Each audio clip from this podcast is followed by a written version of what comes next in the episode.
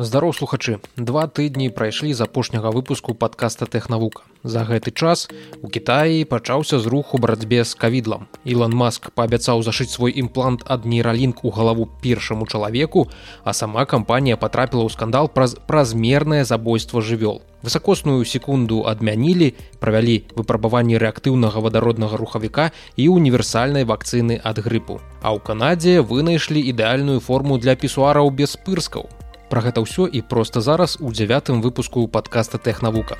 Пачынаем. Там, дзе пандэмія пачалася, там яна і мусіць скончыцца. Не ў тым сэнсе, што кавід знікне. Ён яшчэ доўга будзе заставацца пагрозай. Але той эпідэмічны стан, які ў большасці краін свету даўно паслаблены, ці на яго наогул забілі, існуе дагэтуль у адной краіне, у Кітаі. 1 снежня 2019 года першы вядомы пацыент з covid-19 пачаў праяўляць сімптомы ваўхані.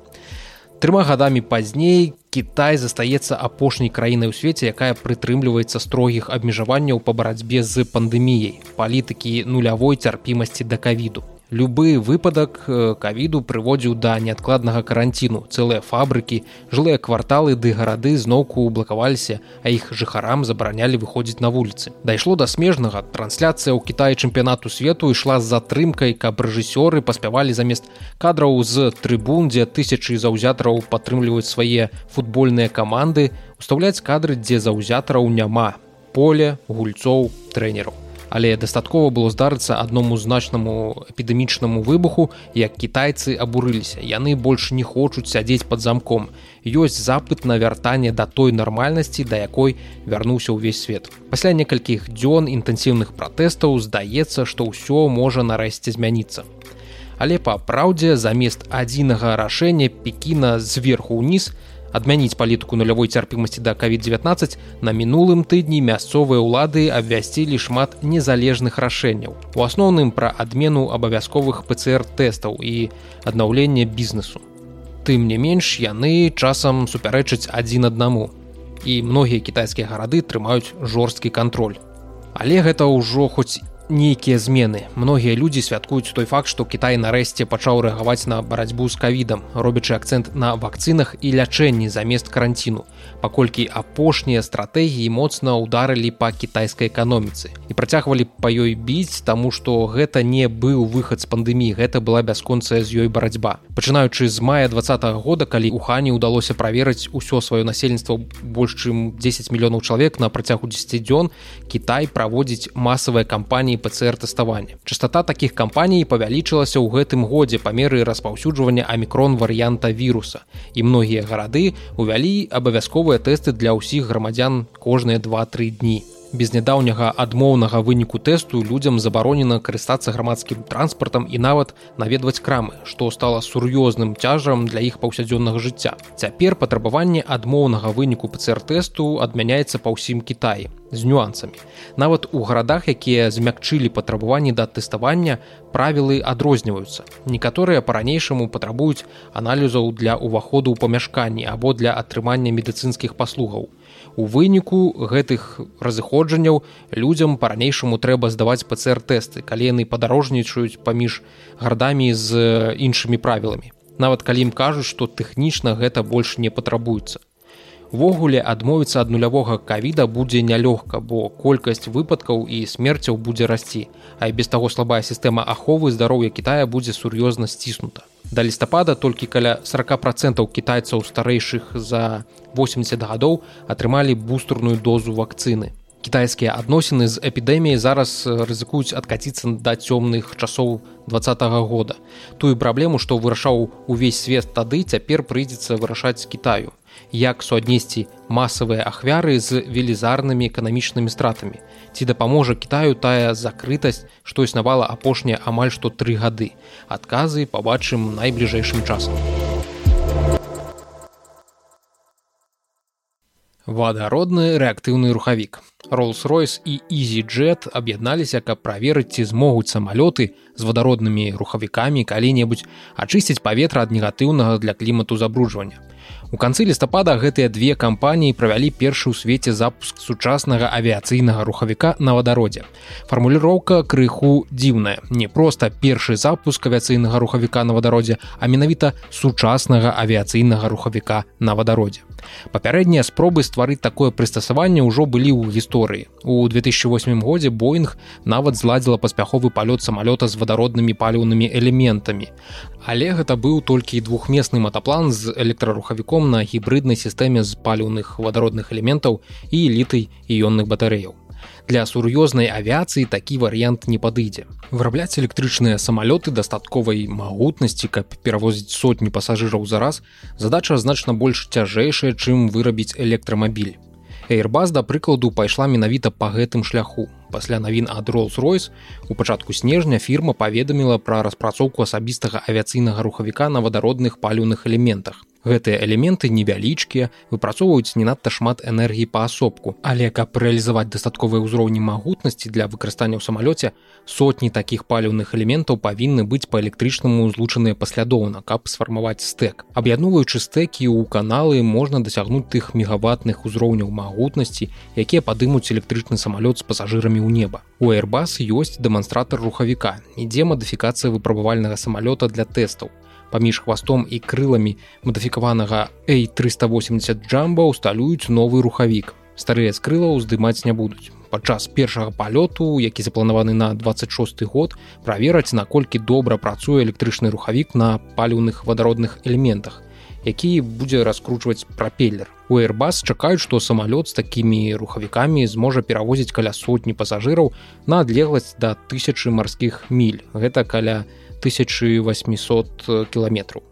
Але апроч варыянта з выкарыстаннем паліўных элементаў для пераўтварэння вадароду электрычнасці для рухавіка ёсць і накшы падход. Вадарод можна паліць у газавай турбіне і менавіта такі падыход у выпадку Rolls-Royce і EasyJet для сваіх наземных выпрабаванняў яны выкарысталі пераабсталяваны рэгіянальны авіяцыйны рухавік Rolls-Royce AE 2120A.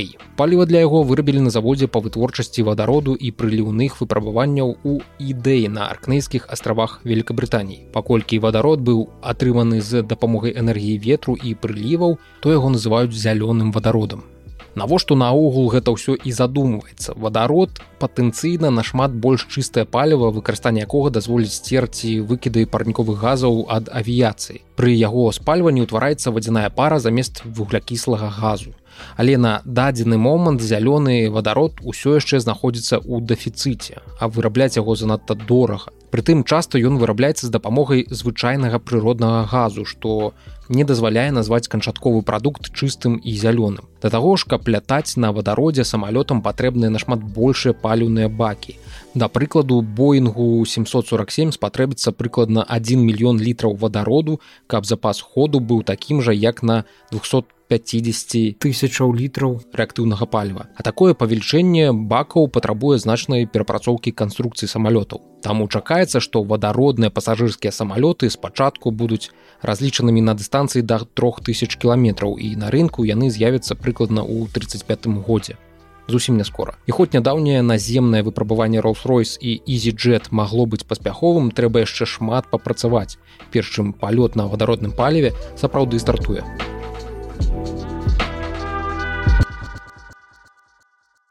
Кітай запусціў касманаўтаў да новай касмічнай станцыі. У Кітай афіцыйна з'явіўся фарпост у космасе, які будзе пастаянна заселены, так як і міжнародная касмічная станцыя. Гэты фартпост завецца касмічнай станцыяй Цяньгунь нябесны палац. І на яе ў канцы лістапада заехалі першыя сапраўдныя жыхары. Тры касманаўты стартавалі на ракете шэньчжоу 15 з касмадрома ў пустыні гобі і ўсяго праз 9 гадзін ад старту прыстыкаваліся да толькі што завершанай кітайскай касмічнай станцыі дзе паклалі пачатак пастаяннай прысутнасці Китая на калязямной арбіце. Але на гэтым іх амбіцыі не сканчваюцца. На прэс-канферэнцыі пасля запуску галоўны канструктор кітайскай касмічнай пілатуймай праграмы Джоу дзяньпінь адзначыў што пройдзе няшмат часу як Кітай здзейсніць высадку людзей на месяцы. У распрацоўцы ўжо знаходзіцца месяцовы пасадачны апарат. Мінулая місія кітайскіх касманаўтаў на пачатку лістапада завершыла базавую канструкцыю касмічнай станцыі цяньгунь нядаўна прыбылы модуль менгцян перамясцілі на месца яго сталай стыкоўкі такім чынам нябёсны балац атрымаў свой завершаны выгляд Ён складаецца з асноўнага і двух эксперыментальных модуляў.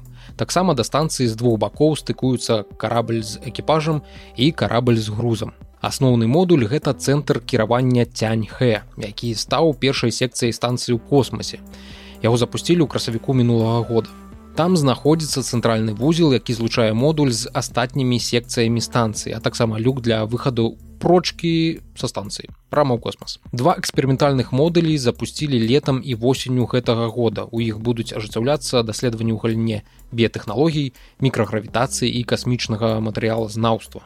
На станцыю будуць рэгулярна лятаць караблі з экіпажам, ежай і прыпасамі. Падчас ратацыі на станцыі адначасова змогуць жыць шасцёра чалавек, але У астатнія часы яе экіпаж не будзе перарушаць трох касманаўтаў. Станцыя больш сціплая па памерах, чым мкс, але і зацікаўленых у яе выкарыстанні таксама менш. У сялякім разе мкс да 2030 года павінна будзе скончыць сваё дзяжурства на арбіце а цяньгун, як плануецца, будзе там знаходзіцца гадоў 10-15 з магчымасцю падаўжэння тэрміна службы. Кітайская станцыя прапануе некаторыя магчымасці для партнёрства, дзякуючы якому іншыя краіны змогуць адпраўляць эксперыменты а пазней магчыма і касманаўтаў. Ужо запланаваны эксперымент у саудаўскай аравіі і даследчыкі з еўрапейскіх устаноў іншых краін прапанавалі эксперыменты по шырокаму колу тэм ад гамаў сплёскаў да касмічнай медыцыны і атамных гадзіннікаў. Наса не будзе адным з такіх партнёраў. Агенству забаронена супрацоўнічаць з кітаем у адпаведнасці з так званай папраўкай вольфа якую кангрэс прыняў у 2011 годзе. Яна забараняе амерыканскім агенствам працаваць з кітайскімі кампаніямі і агенствамі з меркаванняў нацыянальнай бяспекі. Гэта азначае адхіленне ад прэцэдэнту холоднай вайны калі наса яго савецкія калегі часам працавалі разам нягледзячы на палітычныя разнагалоссі як бы тое не было кітайскіх навукоўцаў віншуем з завяршэннем десятгадовага шляху да разгортвання фарпоста на арбіце. Гэта значнае дасягненне якое як я спадзяюся пойдзе на карысць міжнароднаму супрацоўніцтву ў космосе высокосную секунду адмянілі у лістападзе міжнародным галасаваннем зямляне адмовіліся ад высокоснай секунды. Тэхнічнай выдумкі якая выклікала галаўны боль з моманту вынаходніцтва 50 гадоў таму. Але праўда непасрэдна сама адмова здзейсніцца толькі ў 35 годзе. Я пра гэтую секунду ўжо неяк расказваў у падкасці але караценька нагадаю. Традыцыйная секунда вызначалася ў астранамічных тэрмінах як адна 86 1400 сярэдніх сонечных сутак часу за які зямля абарочваецца вакол сваёй восі. Але у 67 годзе метролагі свету пачалі выміраць час з дапамогай атамных гадзіннікаў. Афіцыйная даўжня асноўнай адзінкі секунды была зафіксавана у 9 мільярдаў 192 мільёны 631 1770 ваганняў атама цэзію 133 не ведаю навошта вам гэта інфа але ведаеце. 86 400 таких секунд складаюць один дзень. Але кручэнне зямлі з году в год крыху запавольваецца і астранамічная секунда як і астранамічныя суткі паступова становіцца даўжэйшай за атамную. Каб гэта кампенсаваць пачынаючы 72 -го года метролагі пачалі час ад часу уставляць дадатковую секунду высокосную до конца атамнага дня. Па сутнасці кожны раз калі атамны час апярэджвае цэлую секунду. Ён спыняецца на гэтую секунду каб даць зямлі магчымасць дагнаць упушчанае 10 высокосных секунд былі дададзены да атамнай шкалы у 72 годзе і з таго часу было дададзена яшчэ 27 секунд. Кручэнне зямлі крыху няўстойлівая таму высокосная секунда нерэгулярная і непрадказальная і 50 гадоў таму дадаць лішнюю секунду было нялёгкай задачай а зараз гэта сапраўдны тэхнічны кашмар тому что дакладны час стаў неад'емнай часткай камп'ютарызаванай інфраструктуры нашага грамадства. Калі раней гэта быў шлях вымярэння плыні часу то зараз гэта крытычна важна для транспарту тэлекамунікацыі энергетыкі абароны фінансаў і гэтак далей. Аб тым каб скончыць гэты галаўны боль з дадатковай секундай казалі чым далей тым гучней. І нарэшце на сустрэчы міжнароднага бюро мер і вагі ў французскім версалі амаль аднагалосна была прынята так званая рэзалюцыя д якая і паставіла кропку ў гэтым пытанні. Супраць рэзалюцыі прагаласавала Расія чыя навігацыйныя спутнікі гланас уключаюць тую самую высокусную секунду у адрозненне ад іншых сістэм той жа GPS і Беларусь у гэтым галасаванні ўстрымалася рэзалюцыяй пастанавілі што з 2035 года по 2135 год універсальны каардынаваны час які вам можа быць вядомы пад скарочанай назвай UTC будзе ісці бесперапынна ніякіх прыпынкаў для высакосных секунд. Зямны час што выміраецца атамнымі гадзіннікамі будзе адвязаны ад часу што дыктуюць нам нябёсы практычныя змены большасцю з нас будуць незаўважнымі трэба некалькі тысяч гадоў каб атамны час адышоў ад астранамічнага хаця б на гадзіну. Але для вялікай колькасці тэхнічных і навуковых спецыялістаў і арганізацыі гэта будзе значнай палёгкай. Нейралінк ілана маска сутыкнуўся з федэральным расследаваннем праз гібель паўтары тысячи жывёл падчас выпрабаванняў. Памятайце там той самы нейралінг это адзін са стартапаў Ілона маска які займаецца тэхналогіямі інтэрфейсу мозг кампутер адна з апошніх цікавых навін звязаны з гэтай фірмай тычылася відэароліка на кім макака гуляе ў пін-понг без лап. Яе ёй не адрубілі яны былі на месцы але нібыта макака кіравала ракеткамі з дапамогай толькі сваіх думак і імпланта змешчанага над яе мозгам. Шкада але гэта макака ўжо можа быць мёртвай. У адносінах да нейралінк распачалі федэральнае расследаванне. Яе абвінавачваюць у патэнцыйных парушэннях правоў жывёл на фоне унутраных скаргаў супрацоўнікаў на тое што выпрабаванні на жывёлах праводзіцца ў спешцы выклікаюць непатрэбныя пакуты і смерць такая інфармацыя апынулася ў руках журналістаў рэйтерс яны азнаёміліся з дакументамі і меркаваннямі крыніц знаёмых з расследаваннем і дзейнасцю кампаній супрацоўнікі фірмы нібыта скардзяцца на тое што з боку ілана маска ідзе ціск каб паскорыць распрацоўку праз гэта адбылося шмат няўдалых эксперыментаў супрацоўнікі кажуць што такія няўдалыя выпрабаванні даводзілася паўтараць што павялічвае колькасць жывёл якія падвяргаюцца выпрабаваннем і гінуць правілы ЗША не вызначаюць колькі жывёл кампанія можа выкарыстаць для даследаванняў і яны даюць значную свабоду дзеяннем навукоўцаў каб вызначыць калі і як выкарыстоўваць жывёл у эксперыментах. Нейралінг жа прайшоў усе інспекцыі міністэрства сельскай гаспадаркі ЗША на сваіх аб'ектах. Пытанняў не было. Крыніцы Рэйтарс зазначаюць, што агулам з 18 -го года кампанія забіла каля паўтары тысячы жывёл, больш за 280 авечак, свіней і малпаў. Гэта прыблізная ацэнка таму, што дакладны ўлік не вядзецца агульная колькасць смерцяў жывёл не абавязкова паказвае на тое што нейралінг парушае правілы або стандартную даследчую практыку многія кампаніі рэгулярна выкарыстоўваюць жывёл у эксперыментах для паляпшэння аховы здароўя чалавека і яны сутыкаюцца з фінансавым ціскам каб хутка вывесці прадукцыю на рынок. Але цяперашнія і былыя супрацоўнікі нейралінг кажуць што колькасць смерцяў жывёл вышэй чым павінна быць па прычынах звязаных з патрабаваннямі маска паскорыць даследаванні журналісты рэйтерс выявілі мінімум чатыры эксперыменты з удзелам 86 свіней і дзвюх малпаў якія апошнія гады былі азмрочаны чалавечымі памылкамі памылкі аслабілі даследчую каштоўнасць эксперыментаў і запатрабавалі паўтарэння тэстаў.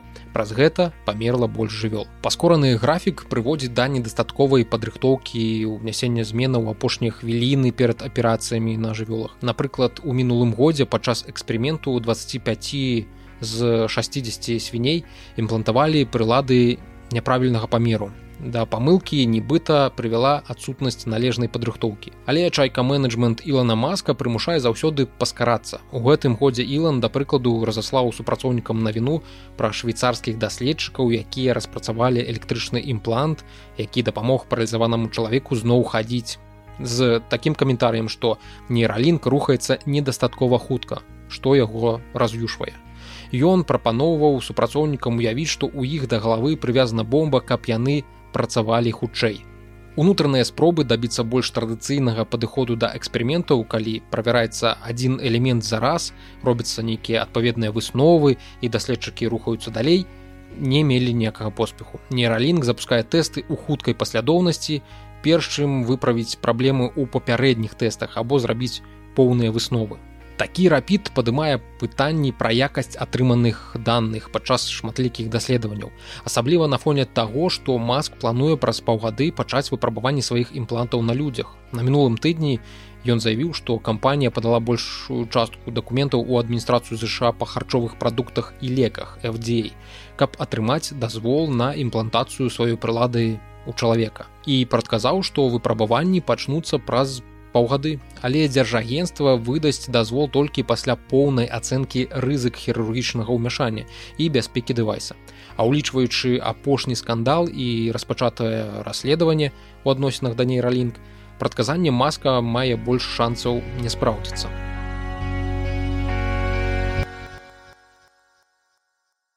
Значны крок на шляху да універсальнай вакцыны ад грыпу У злучаных штатах Амерыкі правялі паспяховыя выпрабаванні універсальнай вакцыны супраць двух дзясяткаў падгруп грыпу.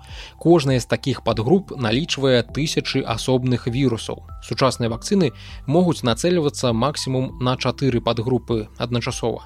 То бок да астатніх чалавек застаецца ўразлівым. І цяжкасць хваробы шмат у чым будзе залежаць ад таго, ці сустракаўся ён у сваім дзяцінстве са штамам віруса грыпа, які не пашчасціла падчапіць у сталым узросце.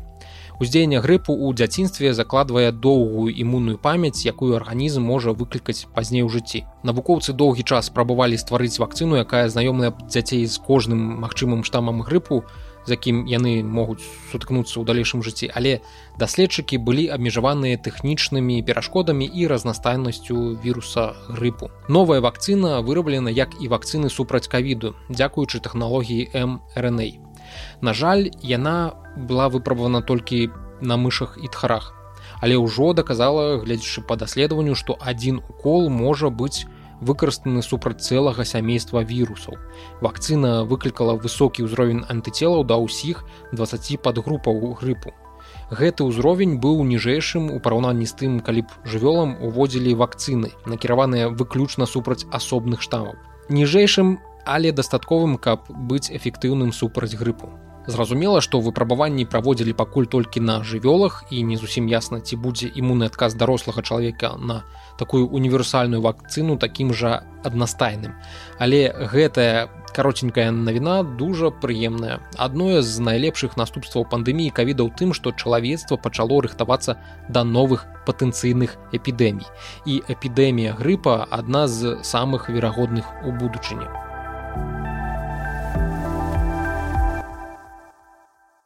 Фізікі вынайшлі найлепшы дызайн для пісуара у якім будзе менш за ўсё пырскаў.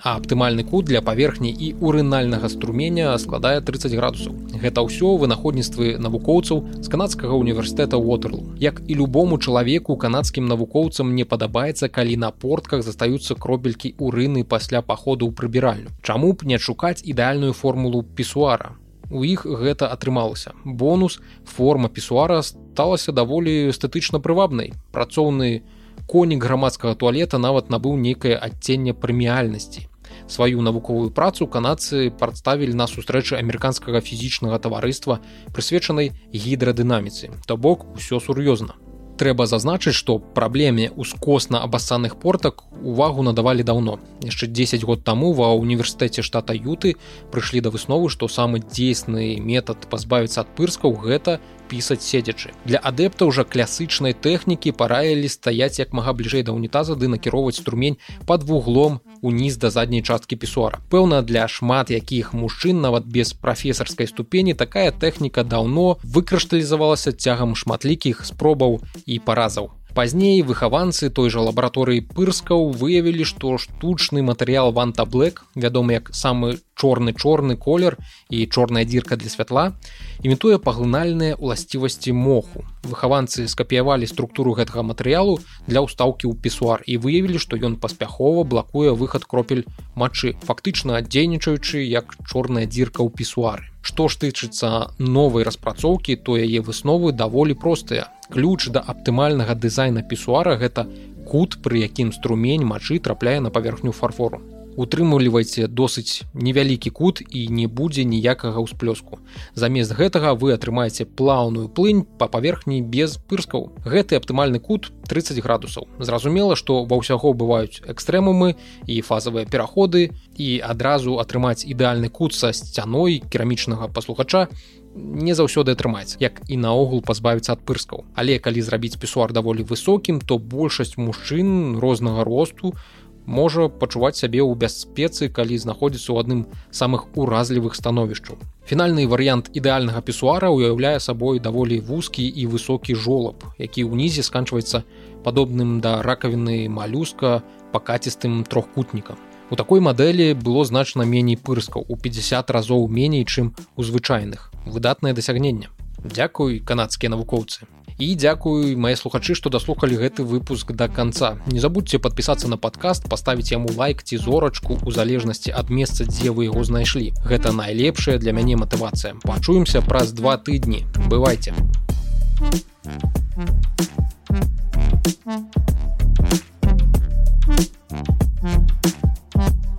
Mm-hmm.